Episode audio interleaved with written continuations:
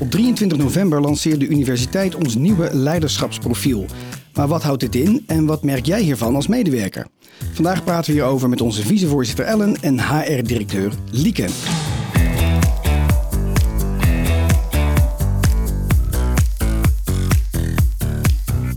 Welkom Ellen.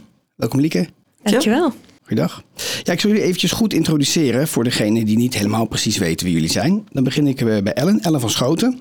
Uh, is sinds 1 januari 2021 vicevoorzitter van het college van bestuur van de Erasmus Universiteit Rotterdam.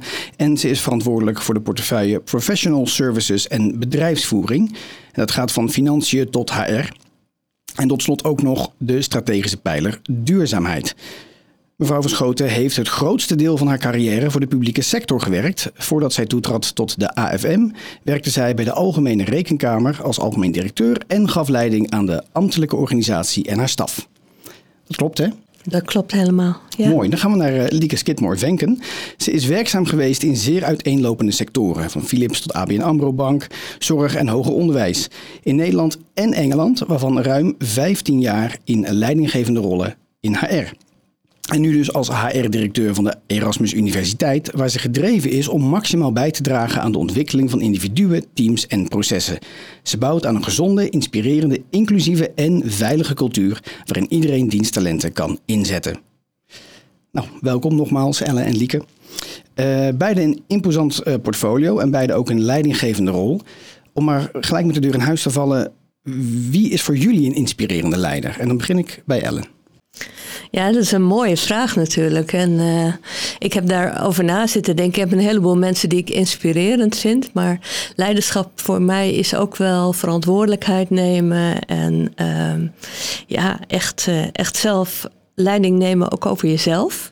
En dan kom ik uit bij mijn grootmoeder. Mijn grootmoeder die, die moest jong beginnen met werken. Niet zo'n rijk gezin. En toen ze trouwde was ze ook nog jong. Ze was 19 dat ze trouwde. Mijn grootvader was huisschilder. En op een gegeven moment uh, ja, liep zijn zaak niet meer goed. En in die tijd was het volstrekt niet gebruikelijk voor vrouwen dat zij uh, zelf aan het werk uh, gingen. Maar ja, zij moest haar gezin te eten geven. En wat zij gedaan heeft, is een kruidenierszaak begonnen in Hoorn. En uh, dat is best een groot succes geworden. En daar heeft zij haar gezin echt mee overeind geholpen. En dat, ja, dat is voor mij wel een vorm van leiderschap. En is dat een kruidenierszaak geweest met een bekende naam? Of kunnen wij die kennen? Nee, het is niet de familie Deen geweest. Het is gewoon een eenmanszaak geweest, maar okay. uh, ja, wel een prima lopende zaak. Ja. Oké, okay, maar dat is een, nou, een voorbeeld dicht bij huis. Dat is ja. heel, heel mooi. Ja. En hoe zit het met Lieke? Ja, dat, dat, die vraag krijg je natuurlijk vaker. En dan denk je van, wie is dat nou? En snel denk je aan een hele grote mensen. En daar zitten zeker mensen tussen waarvan ik denk, nou, echt op dat stuk zeker. Ik denk bijvoorbeeld aan Barack Obama of um, ja, dat soort hele grote kopstukken. Eerlijk gezegd ook iemand als Jan Timmer. En de tijd ik bij Philips het begin zat in de jaren negentig, vond ik dat een enorm kopstuk. Maar voor een stukje van wat ik zag. Um, als ik dan terugga van nou, dichterbij, dan heb ik gewoon een voorbeeld van een, uh, een, bankman, of een manager bij de bank. Of een leidinggevende bij de bank. Die uh, mij enorm en mij en mijn team enorm heeft geholpen tot allerlei dingen. Voor mij is dat altijd een voorbeeld, een rolmodel geweest van inspirerend leiderschap. En dat draag ik altijd met me mee. En dus dat is iemand die je persoonlijk hebt gekend? Iemand die mijn eigen leidinggevende is geweest. Oké. Okay. Waar ik uh, heel veel mooie dingen bij gezien heb. Oké. Okay. En um, ja, mooie dingen gezien heb, zeg je. Maar kun je dan ook zeggen over welke aspecten daarvan waren dan inspirerend? Wat ik heel mooi bij haar vond, als een vrouw, uh, was dat ze heel veel ruimte gaf, prikkelde, accepteerde dat wij af en toe schuurden, uh, maar daar eigenlijk enorm goed in opving. Uh, dus daardoor de team en mij ook persoonlijk heel erg heeft leren ontwikkelen, lef heeft gegeven om dingen te doen die je eng vond op dat, die fase, uh, maar die ook niet zelf op de voorgrond stond. Dat vond ik heel mooi. Dat het juist iemand was die enorm leiderschap liet zien, maar op de achtergrond bleef en alle credits aan het team gaf. Maar wel er was als je er nodig had. En daarnaast gaf ze ook gewoon heel goed richting van met elkaar van waar gaan we eigenlijk heen. Dus het is met name dat stuk ruimte geven aan ontwikkeling voor mensen en daarmee echt enorme resultaten neerzetten. Um, waar ook echt wel strak, ook wel inhoudelijk, um, scherp op de, op de rand werd uh, geschuurd. Maar je werd altijd opgevangen met z'n allen. Dat vond ik heel goed, heel, heel mooi leiderschap. Ja, kunnen we ook wel zeggen dat dat dan, als ik het zo hoor, dat er ook het stuk menselijkheid eh, belangrijk is? Heel erg belangrijk, ja. ja. En, en hoe zat het dan bij jou, Ellen? Want jij, jij gaf aan uh, nou, dat het in je eigen familie zat. Uh, welke aspecten waren dan voor jou dat je dacht van, oh ja, dat, dat is wel echt een voorbeeld? Nou, dat verantwoordelijkheid nemen voor anderen. Uh, niet bij de pakken neer gaan zitten. Dat vind ik heel erg mooi. Moed hebben om iets te doen wat eigenlijk niet gangbaar is. Vind ik ook een vorm van leiderschap. En minder in dit voorbeeld, maar wat er voor mij ook wel bij hoort bij leiderschap, is uh, reflectie, afstand kunnen nemen. Uh, een beetje boven de situatie van alle dag kunnen uitstijgen en van daaruit nadenken: hoe moeten we nu verder? Nou, mooi, mooie voorbeelden van uh, ja, belangrijke eigenschappen van leiderschap. En de UR heeft ook een profiel gemaakt waarin beschreven wordt wat wij belangrijke eigenschappen vinden. Maar waarom is een leiderschapsprofiel dan zo belangrijk? Is het überhaupt wel nodig? We hebben onze UR-expert Hannes Leroy gevraagd om hier meer over te vertellen. Dus laten we eerst even naar hem luisteren.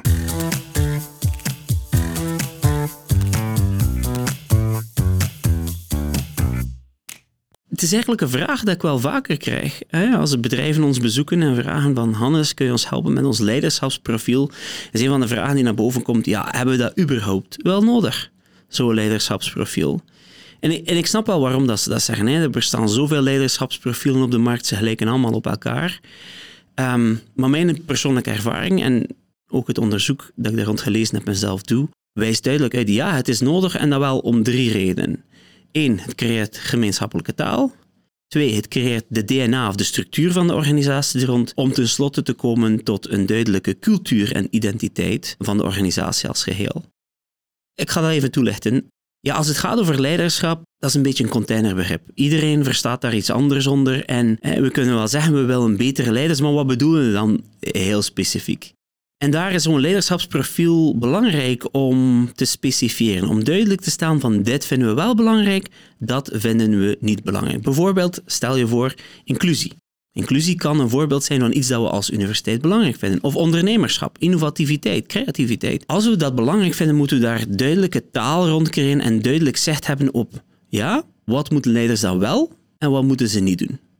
En die taal is een, is een eerste belangrijke aspect, omdat we moeten met elkaar daarover kunnen communiceren. Ik moet jou daarop kunnen aanspreken, op jouw leiderschapsdrag, en jij moet mij daar ook op kunnen aanspreken. Maar het stopt daar niet. Het begint met taal, maar al vlug kan taal dan vertaald worden in structuren. Als we bijvoorbeeld inclusie belangrijk vinden, als we ondernemerschap belangrijk vinden, dan moeten we daar ook onze DNA, onze structuur op aanpassen. Dus bijvoorbeeld in onze selectieprocessen gaan we op zoek naar mensen die inclusief of ondernemerschapsgerecht leiderschap kunnen opnemen. Maar niet alleen selectie, ook in onze beloningssystemen, in onze promotiecriteria, en of dat mensen blijven bij de organisatie of niet, al deze processen kunnen aangestuurd worden vanuit die duidelijke taal, vanuit die duidelijke visie. En wat hij dan krijgt met de gemeenschappelijke taal en een duidelijke structuur, bepaal je zo niet direct, maar over de jaren heen uh, een cultuur in een organisatie en een duidelijke identiteit. We praten over de Erasmian Way. Dan krijgt dat door die leiderschapsprofiel begint dat steeds meer invulling te krijgen. En daardoor is het duidelijker waarvoor wij staan als universiteit. En dat, dat krijgt een aanzuigeffect. mensen worden geïnteresseerd. Wow, de EUR, ja, die, die hebben een duidelijke visie op leiderschap. Daar wil ik ook wel werken. En dat is natuurlijk wat, dat we, wat dat we zouden uh, willen, ideaal. En dat is iets dat we vaak gemerkt hebben. Hè. Um, verschillende bedrijven hebben zo geholpen in executive education. En de allereerste stap is altijd helderheid op wat willen we nu van onze leiders. En dan uh, systematische vertaling in structuren en, uh, en, en uiteindelijk de cultuur van de organisatie.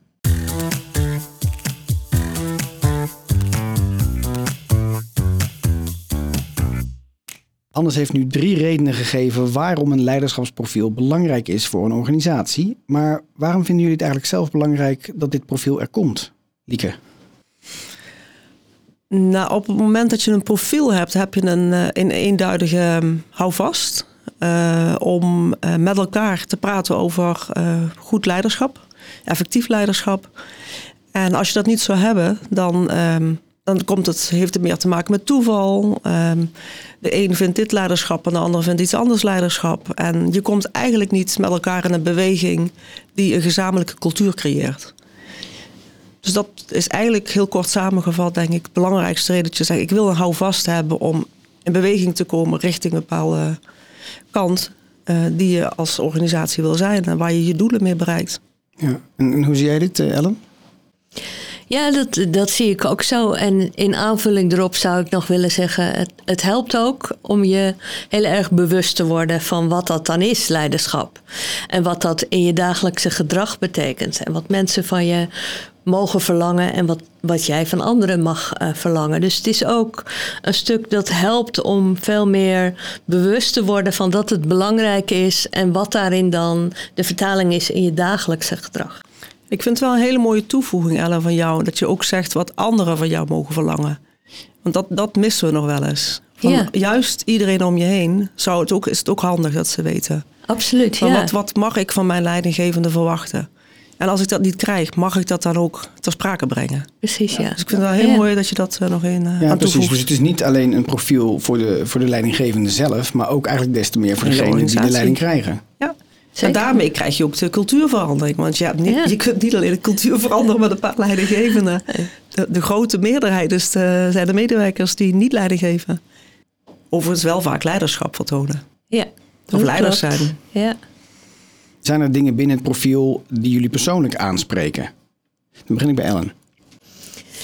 Nou, wat mij in leiderschap aanspreekt, is dat het niet alleen leiderschap is over een groep mensen, maar dat het begint bij het leiderschap over jezelf. Uh, dus hoe bouw je reflectie in? Hoe zorg je er nou voor dat je ook in moeilijke omstandigheden kalm kunt blijven? Hoe zorg je ervoor dat je aanspreekbaar kunt zijn? Dat zijn voor mij hele belangrijke elementen en die horen echt bij leiderschap. En Lieke?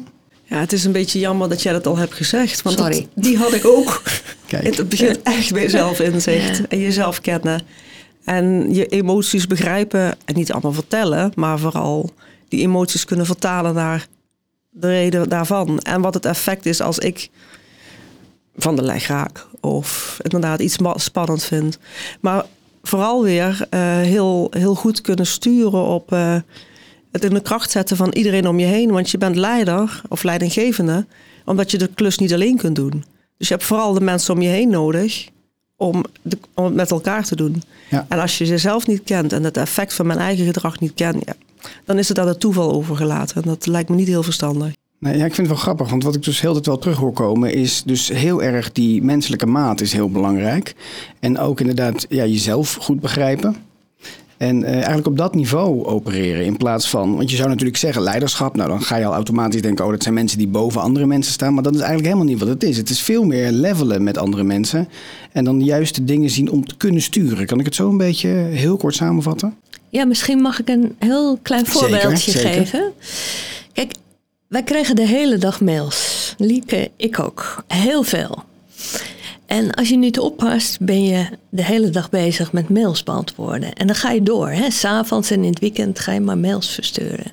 Het effect daarvan is dat je je organisatie ontzettend onrustig maakt. Dus wat ik geleerd heb, uh, is rustig te blijven, dat niet te doen. Uh, alleen te doen als het echt moet. Uh, en mensen vertrouwen te geven. Dus dat is een praktische vertaling van dat bij jezelf blijven en waarom dat zo belangrijk is in leiderschap. Ja, dus niet handelen vanaf, vanaf wat je denkt te moeten doen, maar inderdaad dus dichter bij jezelf blijven en op die manier. Dus ook ja, beter uit te stralen naar anderen. Mooi. Precies, ja. ja en, en, misschien toch ook wel wat, wat daar heel erg belangrijk bij is, is heel goed luisteren en wat jij ook zegt, heel goed zien wat, uh, wat er om je heen gebeurt. En het is de ene dag moet je een, een, een actie doen die die heel inhoudelijk is. En om, om iets te ontvlechten en weer mensen op gang te kunnen krijgen. En de andere keer is het echt op je handen juist gaan zitten. Maar het voelen, het sensen, het goed horen, daar heb je dus aandacht voor nodig. En dat is heel moeilijk als je inderdaad dreigt geleefd te worden door mailboxen en vergaderingen. Ja, klopt. En dat ja. is de uitdaging wel voor heel veel van ons. Dat je genoeg tijd hebt om benaderbaar te zijn en dus te horen wat de verschillende beelden zijn van de organisatie. En daar iets wel of niet mee te doen. Ja. Ja. Zijn er dingen binnen dit profiel, hè, wat nu uh, met november uitkomt, wat jullie zelf al toepassen in je dagelijkse werk? Ellen? Nou, bijvoorbeeld ruimte maken voor reflectie. Hè? Ik zei al, het begint bij jezelf. Dus ik hou van muziek. Ik hou heel veel van muziek. Uh, Lieke ook trouwens. Uh, ik speel viool en piano. Daar probeer ik in mijn dag tijd voor te maken in de avonturen. En waarom doe ik dat? Dat doe ik omdat ik dan, daar word ik rustiger van. En blijf ik in balans. En daardoor is het veel makkelijker om effectief te zijn in mijn werk. Toch, die vraag popt nu in mijn hoofd. Eh, is muzikaliteit dan ook belangrijk voor een, voor een leiderschap? Als jullie beide uh, muziekinstrumenten bespelen, dan zie ik een patroon, denk ik. Nou, het patroon is dat ik nog steeds de uitdaging heb liggen naar Ellen dat wij samen een duetje doen. Maar zo zijn we nog ja, niet. Heel goed. ja, dat zou wel mooi zijn, maar volgens mij staat het er nog niet in. Nee, maar het geeft niet over wat je zegt, het geeft je sowieso rust. Dus ja, dat, is het eigenlijk. Dat vlak aan het helpen. Ja, ja precies. Ja. Zeker. Maar ik ben ook benieuwd, Lieke, wat jij dan speelt. Ik speel dwarsfluit. Kijk. Maar ik heb niet zo, ben niet zo gedisciplineerd als Ellen, die elke dag eh, de tijd claimt om te spelen. Maar het geeft gigantisch veel rust in je hoofd. En je gaat uit je hoofd en je gaat weer uh, alles in perspectief zien.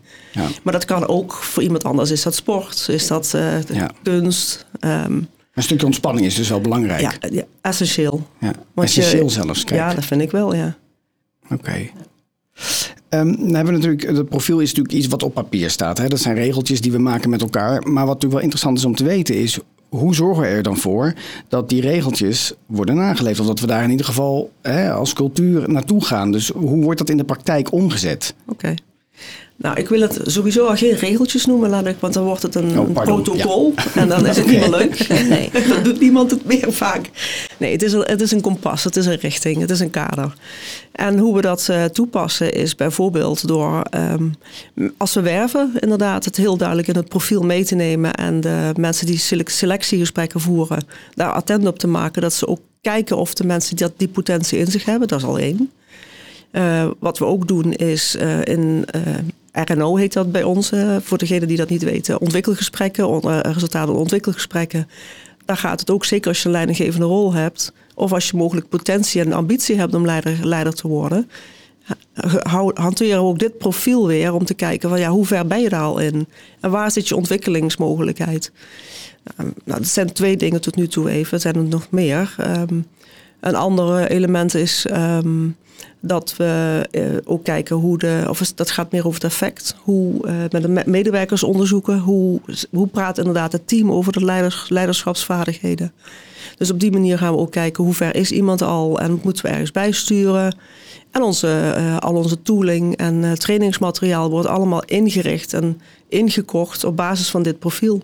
Dus daarmee hebben we ook een pakket aan aan middelen, aan ontwikkeltools om, uh, om, om mensen dat aan te bieden om zich verder te ontwikkelen. Als we zien dat er ergens nog een. En er is altijd ruimte voor verbetering, dat hebben we net gezegd, want je leert het hele, de, hele leven. Um, kunnen we op die manier een pakket aanbieden om uh, te kijken waar jij je beste ja, best in verder kunt ontwikkelen. Ja, ja, je noemde het volgens mij ook al een beetje, want dat was eigenlijk ook mijn vervolgvraag hierop. Van wordt dit dan ook gemeten? Of, dat, hè, of, of het wordt nageleefd en of het succes heeft, maar dat wordt dus gedaan. Ja, met medewerkersonderzoek is er één. Maar dat is natuurlijk niet elk jaar per se, soms maar één keer in de twee jaar, maar dat gaan we wel vaker doen.